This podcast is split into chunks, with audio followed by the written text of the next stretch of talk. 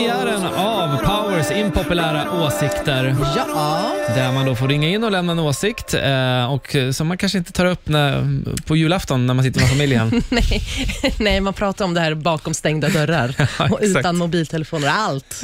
och eh, i morse så lät det så här. Jag anser att män kör bättre bil än kvinnor. Jaha. Eh, och den har väckt lite kommentarer. Vi har George Ja. med oss. Eh, vad tycker du om det här? Ja, alltså, det, det där är ju inte egentligen könsrelaterat. Jag tror det har med, med individen i sig. Hur, är man, hur duktig är man när man lär sig i skolan? Alltså, eh, det finns ju män som kör jättedåligt och kvinnor som kör jättedåligt också. Men ja, alltså diskussionen är väldigt svår. Det skulle jag säga. Men om du, om du, om du, eh, din upplevelse på vägarna då. Vem har du stört dig mest på? Killar eller tjejer? Både och. Men det var just det här, det var ju en politiskt rätt svar. Alltså, Men tycker man jag- verkligen det jag, här? jag vet. Ja, alltså grejen är, det är som, det är som många har sagt tidigare. Det är, Mm. Män kör lite ruckigt och hastigt och aggressivt medan kvinnor kör kanske lite mer försiktigt.